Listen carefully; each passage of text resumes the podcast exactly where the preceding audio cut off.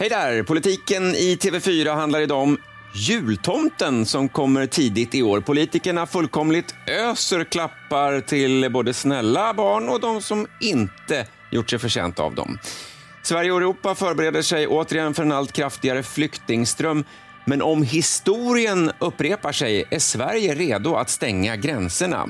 Och många känner naturligtvis en stor oro och rädsla inför kriget men påverkas de be politiska besluten av den egna rädslan?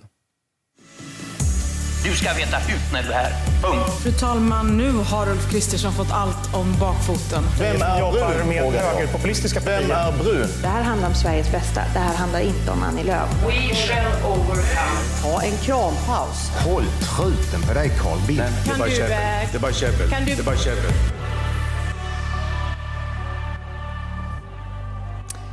Inte bara käbbel, jag heter Johan Macéus och flankeras precis som vanligt av TV4s mest erfarna politiska kommentatorer Ulf Kristoffersson, Ann Tiberg. Tack för att ni lyssnar och tittar på podden. 177 dagar kvar till valet räknar jag ut idag. Eh, känner du någon valvind, Ulf?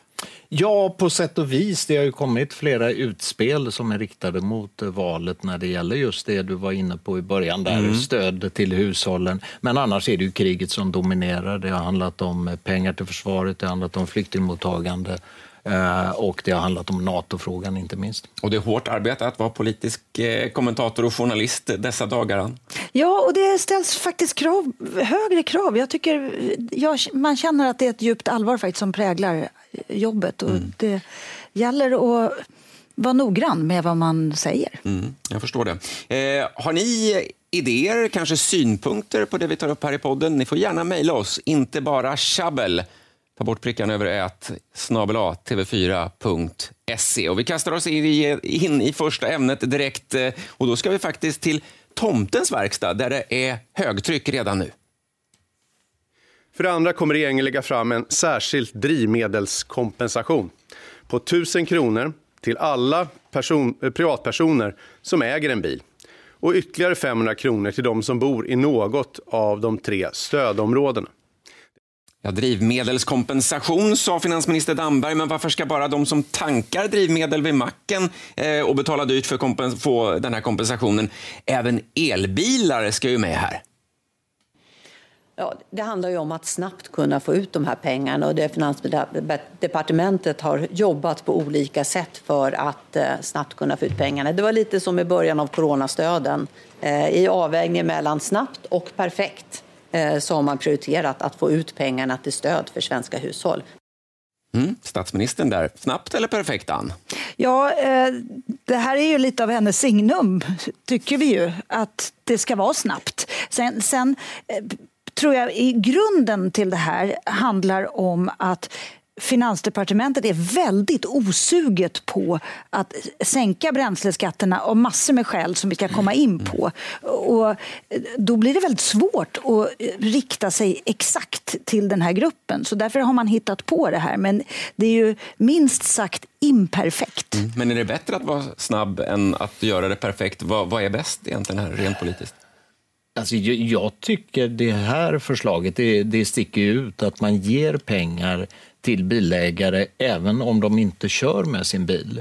Om man ger det till de som har elbil och det ska vara kompensation för höga bränslepriser. Eh, så att det, det blir ju, det, det är nästan eh, det, det sticker i ögonen mm. på, på de som har eh, betalat skatt, jobbat, betalat skatt och sen så används skattepengarna eh, på, så på ett sånt här frikostigt, oprecist sätt ja. delar man ut pengar till höger och vänster. Man, man kan ju ge till alla som har cykel också. Ja, eller en lådbil tänkte jag på. Om man nu skyndar sig med, med det här och registrerar den i fordonstrafik, då kanske ja. man kan få en tusenlapp där också. Det är bäddat för satir kring detta, kan man säga. Men eh, det har liksom blivit någon form av tävling, ett priskrig kan vi väl kalla det eh, just nu i eh, politiken vad gäller det här. Det vi föreslår nu eh, det är alltså sänkning av, av, punktskatten på drivmedel, på bensin och diesel. Det är sänkning av momsen eh, på drivmedel. Eh, och det är kraftig sänkning av den här så kallade reduktionsplikten som, som trissar upp priserna ganska mycket. Och effekten av de här tre åtgärderna är vid pump då, 9 kronor 45 öre vad gäller diesel, 6 kronor och 50 öre vad gäller bensin. Nu vill vi sänka priset med 9 kronor liter vid pump för diesel, 5 kronor för bensinen och för då lantbrukare och åkerinäring 9 kronor litern. Och det här kan vi göra nu.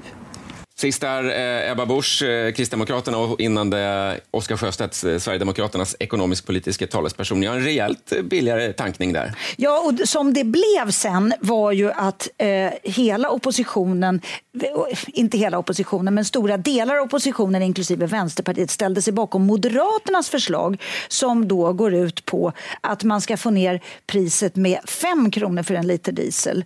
Och det här är inte lätt att göra som vi ju har rapporterat om flera gånger. Därför att det finns regler inom EU som begränsar hur mycket man kan sänka eh, bränsleskatten. Det här som man pratar om att sänka momsen. Det är andra regler inom EU som hindrar att man faktiskt sänker momsen för eh, bara drivmedel. Då måste man så att säga sänka all moms.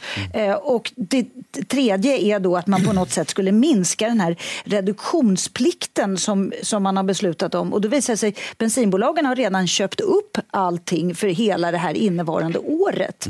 Mm.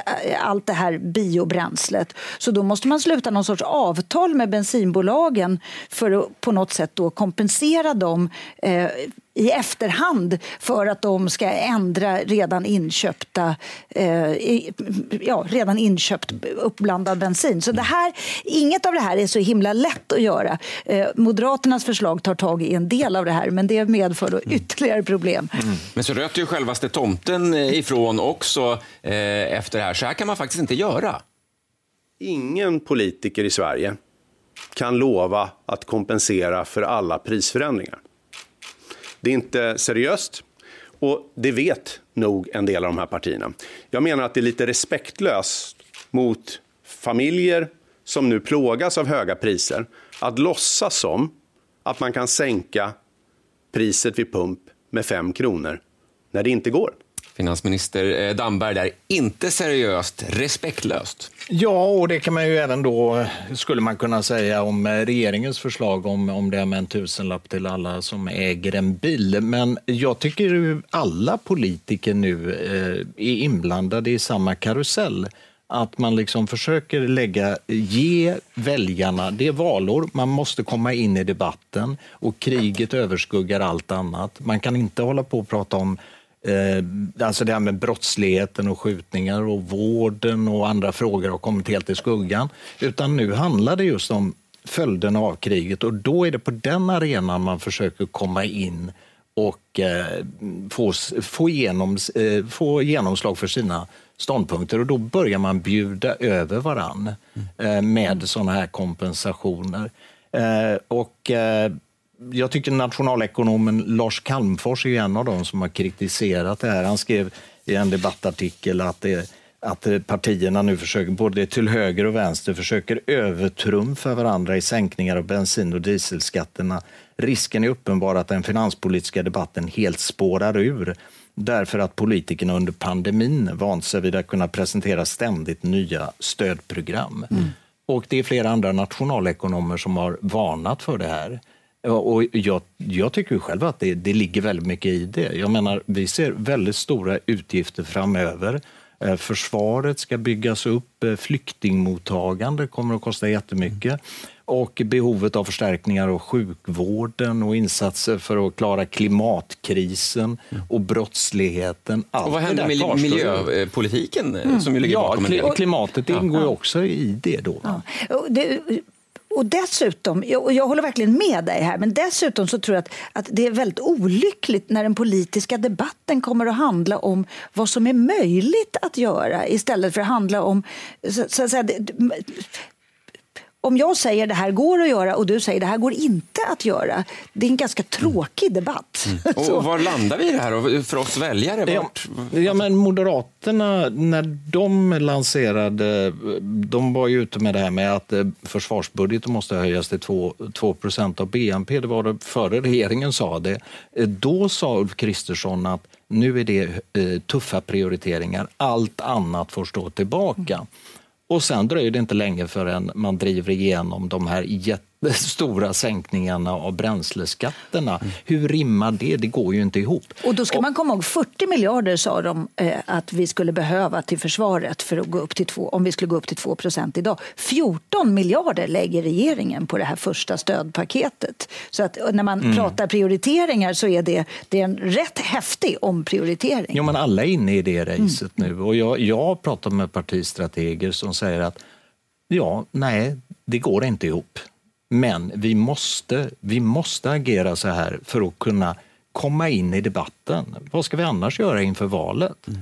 Så att det, är, det är liksom den olyckliga kombinationen av att det är valår, det är krig och det är efter pandemin som man har vant sig vid att ösa ut pengar. Och det är lånade pengar. Det finns ingen finansiering för det. Och då har man kommit in i det här racet och så kan man inte hoppa av det.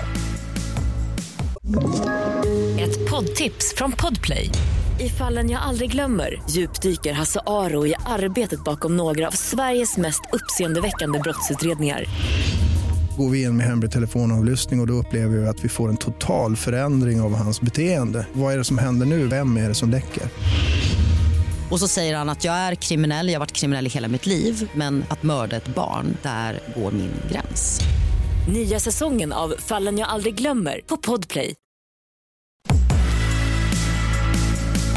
Det här är podden Inte bara käbbel, politiken i TV4 nu om Rysslands invasionskrig som tvingar allt fler ukrainare på flykt eh, från sina hem mot säkerhet.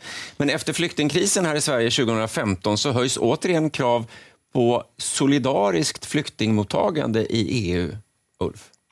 Ja, och eh, nu eh, de, eh, migrationsminister Anders Ygeman har ju varit ute och talat om helt andra nivåer på eh, flyktingkrisen än vad som har kommit, vad som var med i de här eh, tidigare scenarierna.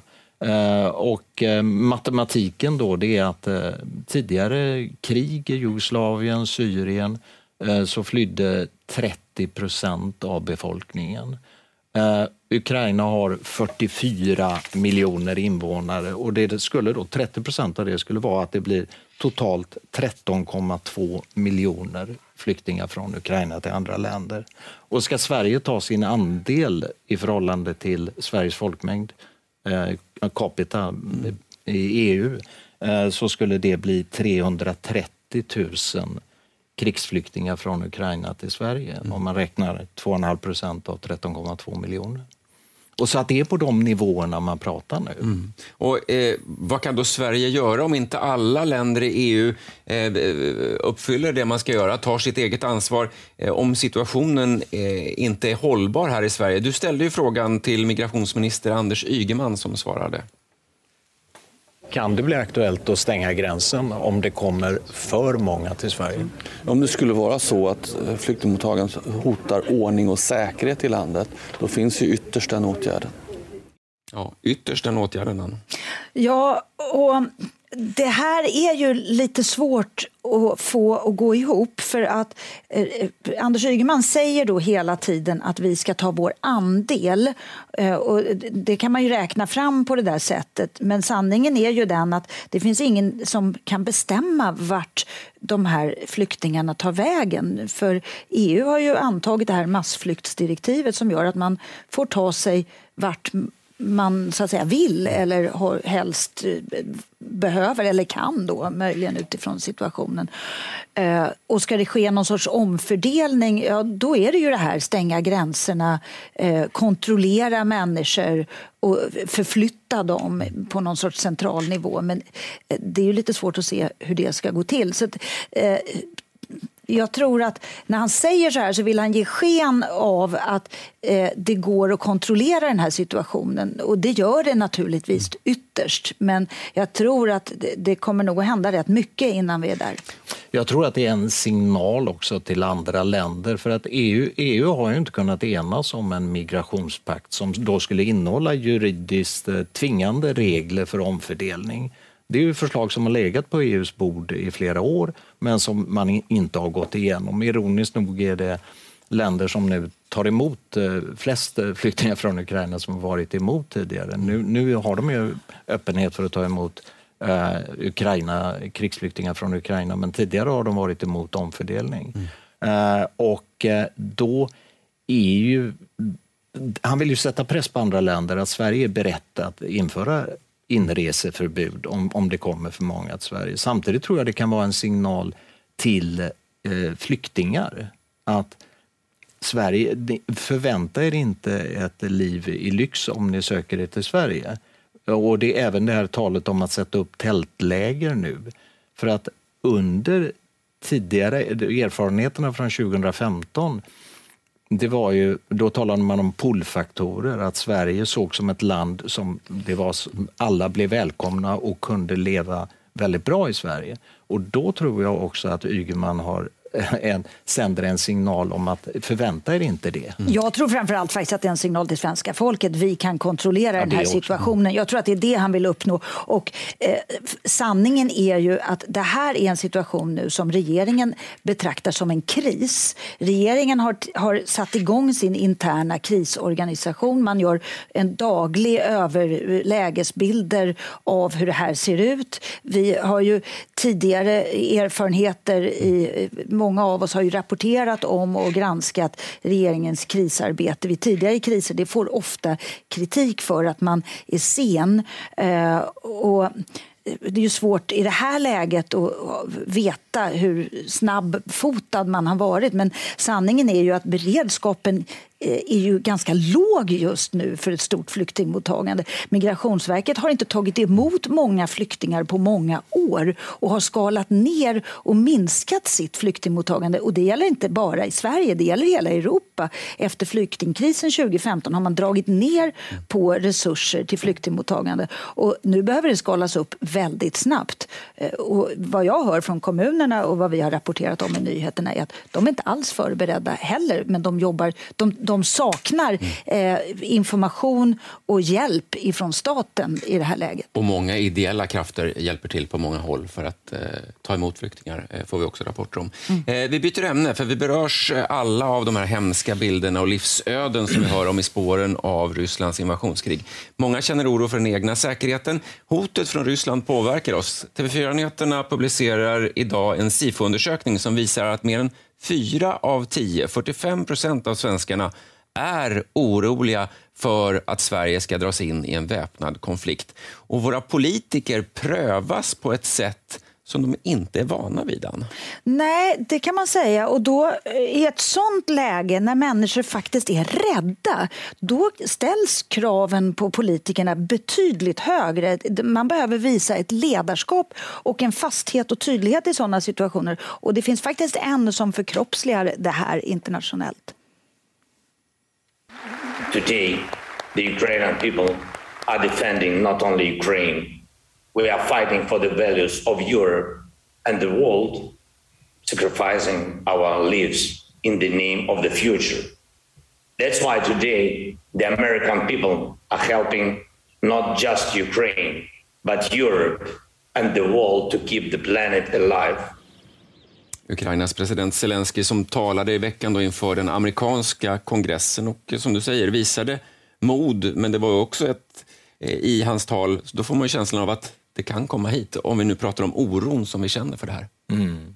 Alltså jag tycker det tydligaste mm, effekten av det här är den här oerhört snabba omsvängningen vi ser i, när det gäller Nato nu och eventuellt svenskt medlemskap. Det började ju partiöverläggningar om det, samtal under ledning av Ann Linde och Eh, Ann Linde säger ju nu rakt av att man ska diskutera eh, NATO, eventuellt NATO-medlemskap. Det är en huvudfråga i de här samtalen. Och regeringen har ju tidigare sagt att det inte är läge att, att ompröva eh, Sveriges inställning till NATO, men det är ju ett sätt nu, nu är man helt öppen för det. Det kommer att ingå i de här samtalen. Och det är ju ett sätt att hantera den här svåra situationen också. Men, men låter man sina egna känslor, jag menar politiker är också människor, vi känner alla en oro. Påverkas politisk, politiska beslut av oro? Eh, jag tror att en politiker behöver, behöver tygla sin oro och visa fasthet och tydlighet. Jag tror att man, man kan se eh, i kristider att budskap blir eh, lite mer kontrollerade, tror jag.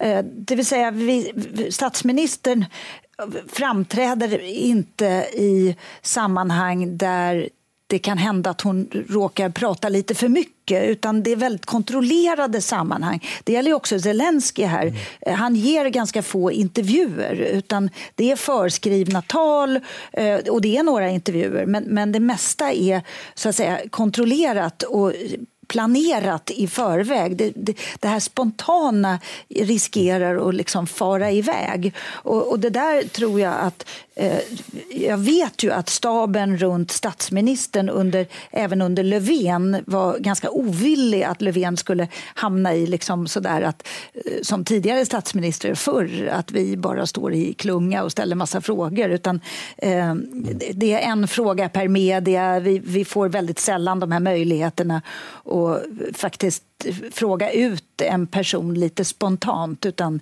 det, det är väldigt kontrollerat. Och det, det eh, är ju ett sätt också att tygla människors oro. Man riskerar inte att man säger någonting som kan bita en i svansen eller skapa osäkerhet. Ändå har det ju hänt faktiskt att Magdalena ja, Andersson har gjort det. Jag noterade det. att eh, Magdalena. Andersson har bytt eh, statssekreterare på utrikesområdet nu. Jag vet inte om det är ett försök att vässa laget eller inte. Jag har inte forskat i det. Men eh, det, hon har ju fått kritik för att det var lite svajigt, ja. svajigt i början. Men just NATO-frågan, nu diskuteras det ju eh, och många andra frågor om svensk eh, säkerhetspolitik med alla partier för att kanske undvika att man i affekt eller påverkas av känslor utreder saker noggrant. Eh, ja, den diskussionen är ju helt nödvändig nu och den pågår ju även i Finland så att det, det går ju liksom inte att undvika i det här läget och, och med de hotfulla uttalanden som har kommit eh, från Ryssland eh, mot eh, Sverige också så, så måste man ju ta tag i den frågan naturligtvis. Mm. Uh, sen när det här gäller det här med, alltså politikerna måste ju ha is i magen nu. Det är inte bara rädsla, det är också hat som föds. Uh, aggressioner, hämndbegär och allt det där ska man tygla och då försöka ta rationella, vettiga beslut och liksom inte fara iväg och göra något förhastat. Jag tror även det vi pratade om i början då, mm. med sådana här stödåtgärder och ge hushållen pengar, är ett sätt att hantera oro och rädsla. Vi gör någonting ni får pengar för att klara att köra bil och, och så vidare. Och det kanske inte är det bästa sättet då, men, Nej, men det blir, men det, det blir ju, sätt. Ja, och det blir ja. ju ändå en signal om att vi har koll på läget, vi mm. gör någonting, vi hjälper er. Så. Ulf Kristoffersson, Ann Tiberg, TV4s eh, mycket erfarna politikkommentatorer här i podden Inte bara käbbel. Dit ni gärna får höra av er om ni har synpunkter eh, och idéer på vad vi ska ta upp. Inte bara käbbel, ta bort prickarna över ett snabel tv4.se. Hjärtligt välkomna att höra av er och kul att ni lyssnade. Tack för idag. Podplay poddtips från Podplay. I podden Något Kaiko garanterar östgötarna Brutti och jag, Davva, dig en stor dos skratt. Där följer jag pladask för köttätandet igen. Man är lite som en jävla vampyr. Man har fått lite blodsmak och då måste man ha mer. Udda spaningar, fängslande anekdoter och en och annan arg rant. Jag måste ha mitt kaffe på morgonen för annars är jag ingen trevlig människa. Då är du ingen trevlig människa, punkt. Något Kaiko, hör du på Podplay. Därför är gardinerna.